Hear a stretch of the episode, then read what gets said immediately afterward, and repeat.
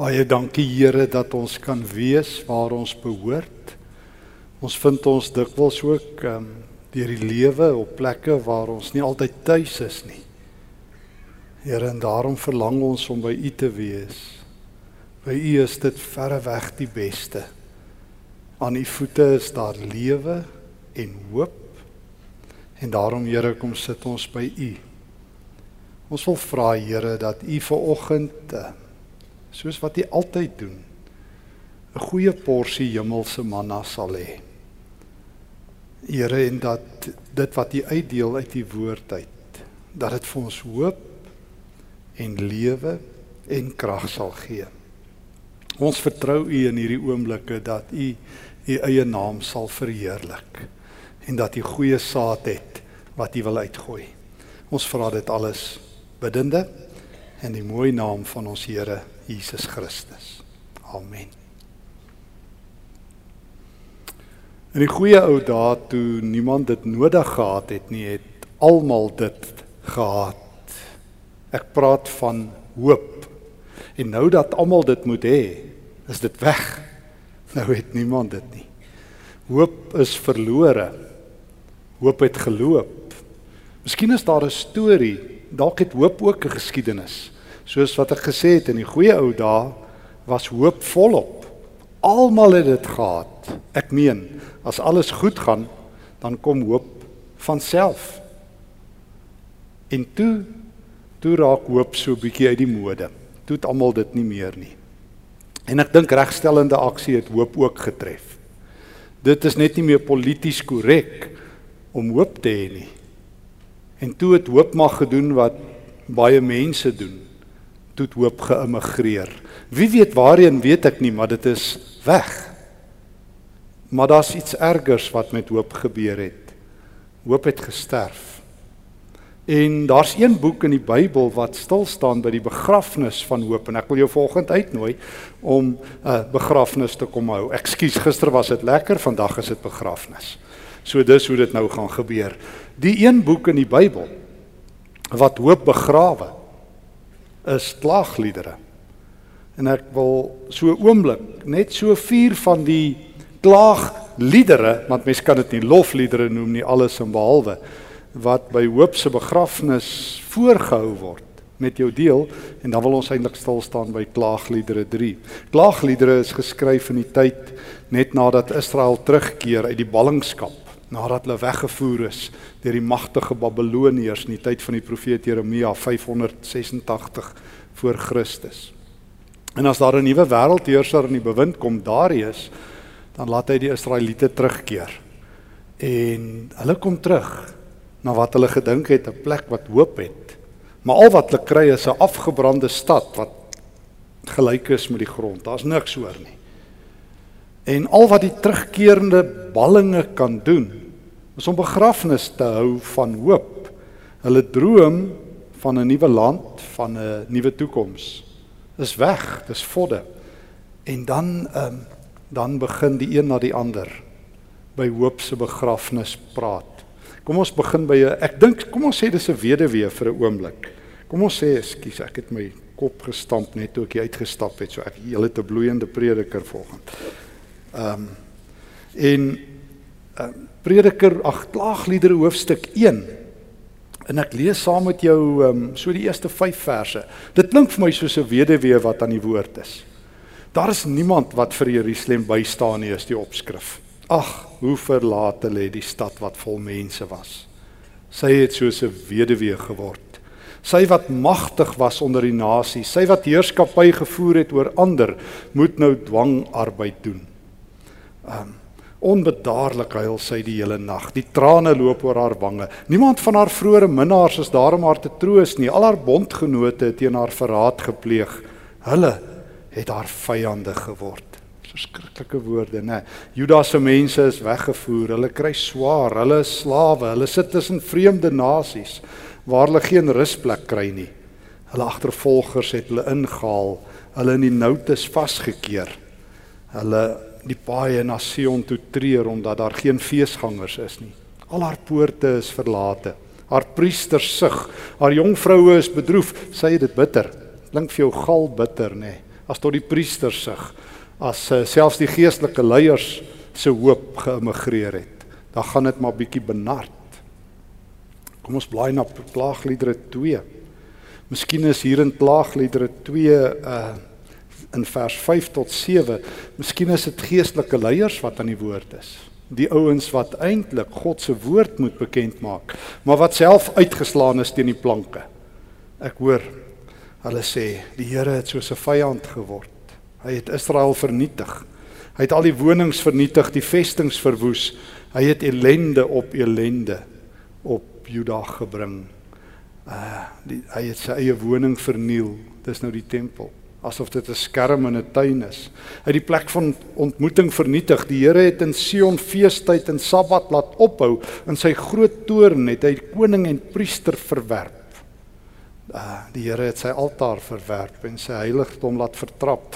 Hy het die mure rondom die tempelgebou laat afbreek deur die vyand. Hulle het in die huis van die Here gejuig asof dit sy volk is wat daar fees vier. Dis erg.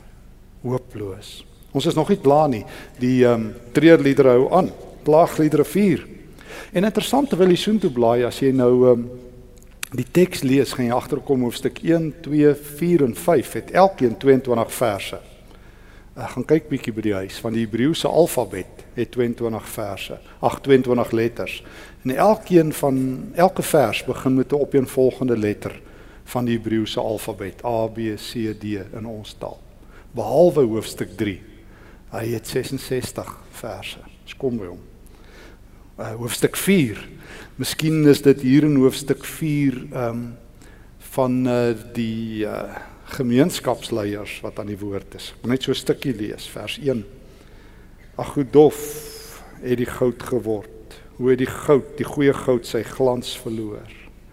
Gewyde edelstene lê weggegooi op al die hoeke van die strate. Sion se kosbare inwoners, vroeër so waardevol geag so suiwer goud. Ag, hoe word hulle nou beskou as erdepotte, die werk van 'n pottebakker. Uh, kom ons lees uit hoofstuk 5 ook. Mens voel nou al skoon jy's in moedverloorse vlakte en dat ons nou moet een of ander hoop kry en 'n liedjie sing of iets of terugdink aan gister. Maar dis nog nie klaar nie. Die hoop is nog steeds aan verlore gaan. Klaagliedere 5. Miskien 'n sakeman. Slaan tog ag op wat ons oorgekom het, Here. Kyk tog en sien self hoe ons verneder is. Ons besitting is gevat en aan vreemdes gegee. Ons huise aan uitlanders. Ons het weeskinders geword. Daar is nie vaders nie. Ons moeders is soos weduwees. Ons moet ons eie drinkwater koop, vir ons eie hout moet ons betaal. Ons word gedryf deur ons oorheersers. Ons is uitgeput. Ons word geen rus gegee nie. Ons het ons hande uitgesteek na Egipte en na Assirië om by hulle kos te bedel. Hm. So klink hoop se begrafnis. Ek lees nou die dag in die koerant van 'n ou wat 'n uh, ek-Suid-Afrikaner wat in uh, Amerika bly wat sê Hy het eers hoop gehad en nou sy realisties. En dis hoekom hy nie meer in hoop glo nie. Hy's natuurlik reg. Hoop is 'n minderheidsposisie. As almal hoop gehad het, wel dan almal hoop gehad. Maar hoop is 'n minderheidsposisie ook onder gelowiges. Ek meen hierdie boek is in die Bybel. En hoop het geloop. Dis weg. Hoofstuk 3 waarby ons vir 'n oomblik wil stil staan vanoggend. Hoofstuk 3 begin nog donkerder. Dit skakel oor terwyl die ander ouens so namens miskien 'n bepaalde groep praat. Wat sê hoekom hulle nou klaar is, hoekom hulle nou hoop verloor het en hoekom mens nou hoop moet begrawe en nou sonder hoop moet lewe. Is die individu. Kom ons sê ek in hoofstuk 3 nog meer verbitterd. Dit begin in die eerste verse van hoofstuk 3. Ek is die man wat elende beleef het. Die Here het my met sy toorn, sy woede geslaan. Hy het my in die donker ingejaag, my laat loop op 'n pad sonder lig. Vir my stoot hy gedurig weg dag na dag. Hy het my hele liggaam laat wegteer, my bene gebreek. Hy het my toegebou met 'n muur van gif en ontbering rondom my. Sjoe, moet ons nog aanhou staan in God se woord, maar hierdie man is uit op sy voete. Hy kan nie meer nie. Hy het regtig hoop verloor. Vers 18. van hoofstuk 3. Ek het gedink dit is klaar met my en met my hoop op die Here. Nou in Hebreë staan daar hy hy sy krag, sy sterkte verloor en sy hoop op die Here. Weet jy hoe sleg gaan dit met jou? As jy en jou krag en jou hoop verloor. Weet jy hoe goor moet die lewe wees? Trouwens, hy sê vir ons hoe goor is die lewe. Hy sê vir ons in vers 19 van Klaagliedere 3: Die gedagte aan my elende en my vreemdelingskap is gal en gif vir my. So hy sterkte en hoop verloor en nou al wat hy oor het is gal en gif. Ja. Nou as as die lewe gal bitter is, dan is jy swartgallig, het ek al gehoor. Iemand het nou eendag vir my gesê hulle is swartgallig, sê dit klink maar verskriklike siekte. Jy moet pille kry of iets. Maar maar hierdie ou het swartgal en hy drink gif. Want dis wat gebeur as jy nie hoop het nie. Jy gebruik ander mense. Jy gebruik die lewe as jou storiebord. Jy gebruik die nuus, jy gebruik die ekonomie, jy gebruik sekere goed in die kerk, jy gebruik sekere goed in die ekonomie en dan as jy kwaad daarvoor en hulle maak droog en jy drink die gif, soos ek altyd sê. Klink vir my na 'n baie slegte manier om te lewe, om ander mense se se droogmaak te drink en jouself van binne af te vergiftig en dan word jy gal bitter. Dan sien jy ehm um, rondom elke stukkie goud 'n swart randjie. Dan sien jy waar iemand nog hoop sien, donkerte. Ja, maar dis waar hierdie hele boek is. Dalk nie.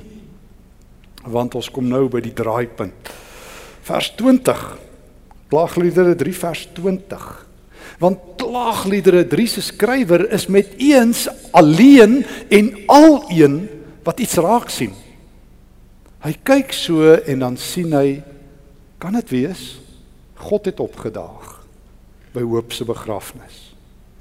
Kan dit wees dat die lewende God tussen die skare is van hoofstuk 1, die weduwee en hoofstuk 2 se geestelike leiers wat nie eens 'n hoop boodskap het nie en hoofstuk 4 en 5 se gemeenskapleier en sakeleier wat sê dis klaar, die ekonomie is weg, die infrastrukture van die land is weg. Dis net sleg, slegter en slegster. Dis enigste trappe van vergelyking wat oor is.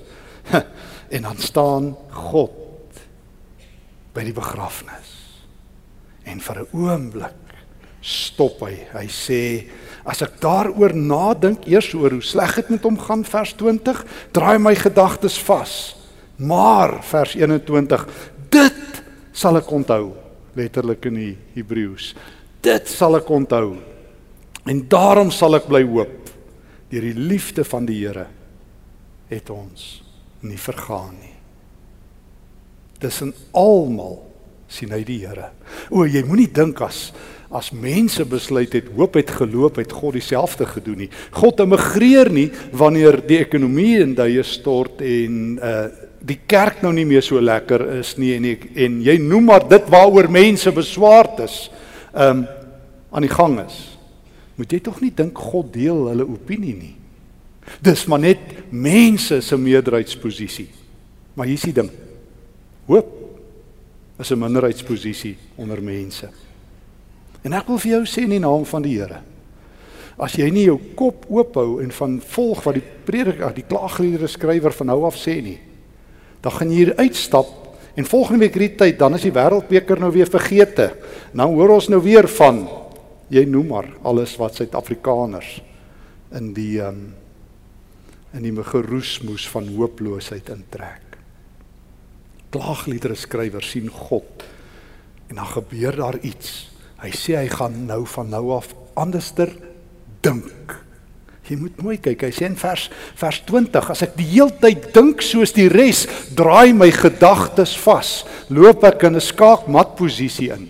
En ek sien dit in my eie kop en ek sien dit in duisende ander mense se koppe. Solank as wat ons ons denkpatroon laat bepaal deur hoe die res dink, die media, my vriende, die manne met die kanne in die hande, die jy noem hulle politici dan draai my gedagtes vas Ek staan nou die aand by 'n plek, ek weet nie wie nie, maar daar staan toe jy's 'n ou wat vir my lyk hy het baie profetiese wysheid want hy het so kan in sy hand en dit lyk nie vir my na koffie nie. Hoe meer hy van dit ingooi, hoe meer profeteer hy. Ek mens noem dit nonsens, maar in elk geval. Ehm um, hy vertel toe vir die mense. Ehm um, dis klaar met ons. En almal staan so, jy weet, dis mos so baie keer as 'n Christen nou mond vol hoendertande het. Ja, ja, nee, dis klaar, dis klaar. Ja, ja, ja, ja, ja. En en hy sê ehm um, hier's geen hoop meer nie. Ons nou pad gee, weet jy waartoe nie. En ek en almal stem saam en ek dink myself as hierdie man reg is, dan moet ek nou iets doen. Dan moet ons seker nou maar pad gee. Ek weet nie waartoe nie, maar ek bedoel hierdie man het nie meer hoop nie. Hy sê ons gaan nie en toe sê hy die volgende, ons gaan alles verloor. En ek sien hoe Christene soos eentjies in 'n ry agterna sê, dis waar, dis waar. En ek vra myself, het een van hulle al ooit en ek vra dit toe hardop en toe sê ek nie meer gewild nie. Het iemand al Markus 8 vers 34 en 35 gelees? Dat Jesus sê as jy agter hom aankom, het jy klaar alles verloor. Jy kan nie nog iets verloor nie, jy het jou lewe verloor. Nou is jy 'n dead man walking and a dead woman walking en nou het jy Jesus se kruis en Jesus se lewe. Ek sê so, wat wil julle nog verloor? Het julle gejok toe julle vir Jesus elke Sondag in die kerk sing? My alles op die altaar. sien ek kan nie sing nie. Maar ons sing dit elke Sondag. Ons gee elke Sondag en elke diens omtrent by elke worship lied alles weg. Maar as ons daar uitstap, vat ons dit terug. My verbitterdheid, my ongelukkigheid, my kop wat deur die wêreld besuur word en dan gaan leef ons in hooploosheid straat en dan word ons selfs die dirigente van die nuutste liedjie oor hoekom dit nou sleg gaan. Baie Christene vertel vir hulle kinders 'n ander storie. Hulle sit hier, maar my kind in Suid-Afrika gaan dit nie maak nie. Ehm um, dan vertel hulle vir hulle kinders want ek hoor by my vrou en by onderwysers hoe negatief kinders is. Dit kom van hulle ouers af. Mense wat in die kerk sit. Ja, met die onderwys en dit en dat. Geen wonder nie dat hoop geloop het en dat dit by die kerk ook op pad uit is. Dit sal ek ter harte neem. Ek sal anderster dink, staan daar letterlik in Hebreëus van vers 21. Ek kies 'n nuwe kop. Deur die liefde van die Here vers 22 het ons nie vergaan nie. Hoe hy gebruik 'n vers 22 23 gebruik hy drie Hebreëse woorde vir die intense intense liefde en omgee van die Here. Die woord wat hy hier gebruik geset is die is die In Engels sou mense dit kon vertaal mercy, die die diep medelee van die Here. Maak nie saak hoe sleg dit gaan, hoe op die grond ons is, hoeveel keer ons uitgeknikker word nie. Eerens sien sien hy hier by hoop se begrafnis as hy terugkyk, die spoor, die klein stroom van God se genade. Ek sê weer hoop is 'n minderheidsposisie. Hoop is nie soos 'n moeras nie morasse word breër en wyer en vlakker. En dis my dik dikwels spreker hoe dit in die kerk gaan. Ons wil baie mense hê, maar hoe meer ons kry, hoe breër en hoe vlakker word dit. Hoop is 'n rivier, smaller en dieper. Die diep riviere is baie smal en baie diep. En dis wat met die wat met die klaagliedere skrywer gebeur. Hy sê deur die liefde van die Here. Die Here is 'n verbondsliefde. Hy sê Dan leer hy 'n tweede ding, daar's geen einde daaraan nie. Daar's geen einde aan die Here se ontferming nie. Trouwens, vers 23, dit is elke oggend nuut. Hy gebruik 'n ander Hebreëse woord. Hy sê die Here se emosionele medelee, sy omgee, sy daar wees, is elke oggend vars. En ek moet sê hierdie is my een van die mooiste tekste in die hele Bybel.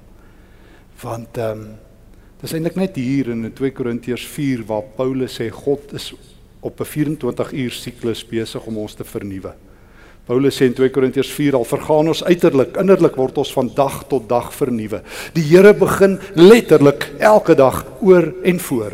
Elke oggend as jy opstaan, soos ek vir myself sê, wag die porsie hemelse manna. En ek dink ek het dit al hier gesê, maar meeste ons buk nie af en tel dit nie. Hulle tel eers hulle selfoon op en kyk wat is die nuus en wat is die weer en wat se moeilikheid lê voor en as daar verkeersknope, bleks jy jou manna optel elke oggend nie.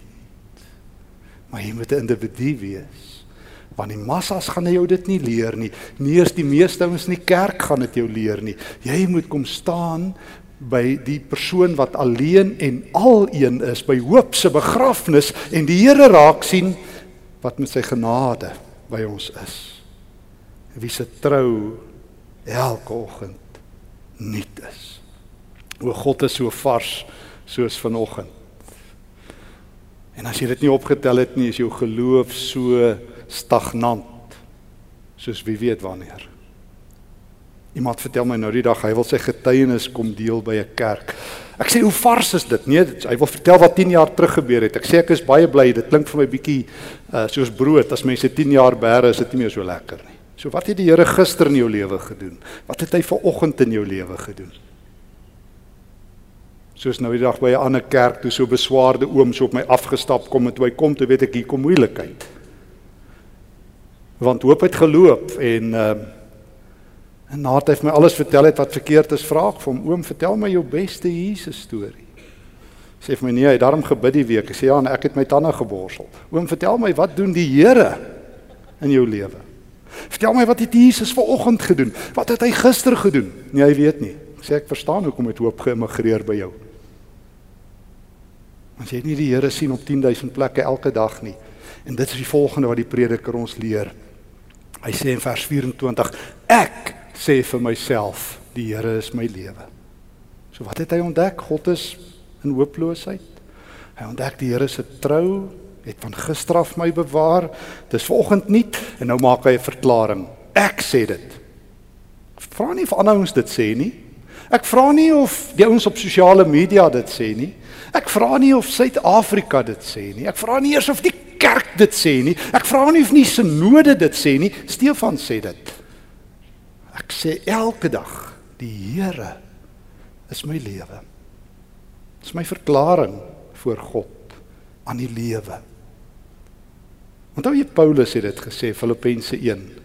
Vir my is om te lewe Christus. O Paulus het dit verstaan. Hy skryf sy beste brief uit die tronk uit. Want hy klaagliedere geken. Hy het ook by hoops hooploosheid uh, 'n draai gemaak en by Hoop se begrafnis opgedaag en toe gaan luister hy wat die Here gesê het vir hierdie skrywer. Die Here is my lewe. Daarom hoop ek op hom. Minderheidsposisie. Maar 'n lewensveranderende posisie, die enigste posisie wat jou ooit verander as jy skuif van hooploosheid na hoop. Niemand kan sonder hoop leef nie. Vra vir enigiemand in die wêreld. Jy kan nie. Ons is gemaak deur die Here om hoop te soek. Maar die grootste, die diepste hoop het 'n naam, Jesus Christus. En daarom sê hy vers 25 en 26 waarmee ek wil gaan afsluit. Die Here is goed vir die wat op hom hoop. O, jy kort 'n geloofsdimensie. O, jy kort 'n God kyk. Jy kort raak sien God het opgedaag in my lewe. Die Here is goed vir die wat op hom hoop. Vir die mens wat na sy wil vra. So elke dag begin jy nou oor en voor. Elke oggend tel jy jou manna op en jy sê Here, U is my lewe. Here my lewe draai nie om myself nie. Hier is nie 'n aanvulling in my lewe. Hier's nie 'n vitamiene stroopie wat ek gou Sondag in die kerk omvat, 'n geestelike vitamien, 'n bietjie 'n inspuiting.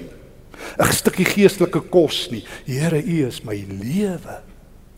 Here, dis al wat ek oor U wil bely. U is my lewe. Here, nou is U goed.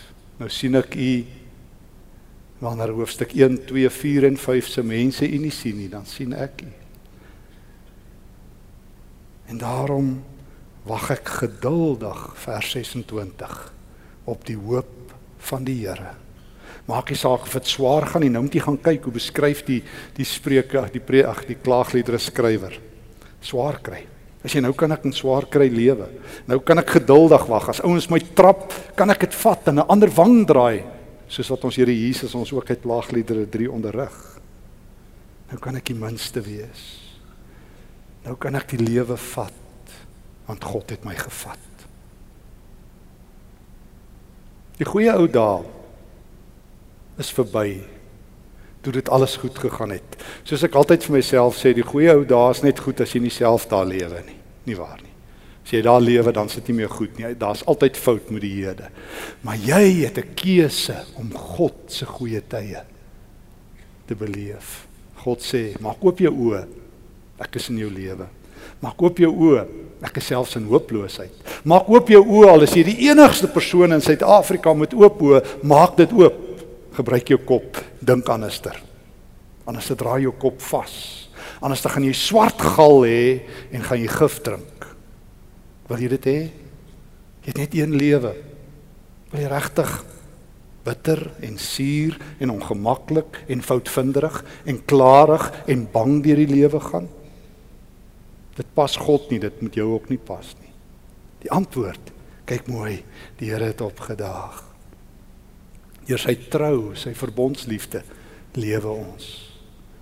Deur sy goedheid is daar elke oggend 'n porsie hemelse manna deur sy genadige ingrype het ek lewe om te gaan lewe. Hm. Mag die Here gee dat dat die goeie ou dae sal herhaal in hierdie week. Dat daar waar jy en ek in hierdie week ons voetspore neersit en ons vingerafdrukke los, dat hoop daar sal wees.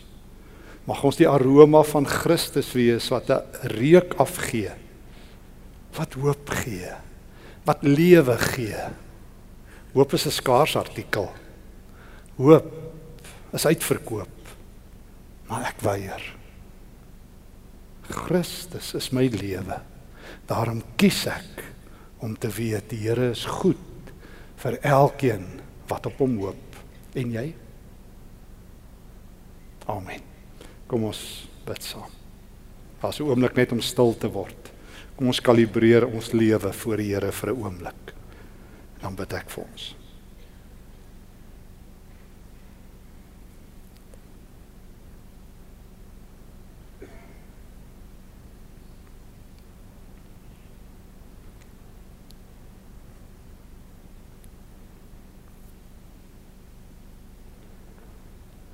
Here, ek moet bely, dis nie maklik nie om teen 'n stroom te swem wat die heeltyd sterk van voor af kom van donkerte en mismoedigheid en armoede en swaar kry en politieke onrus en opstandigheid en selfs kerk wat hierdie kant toe en daai kant toe is.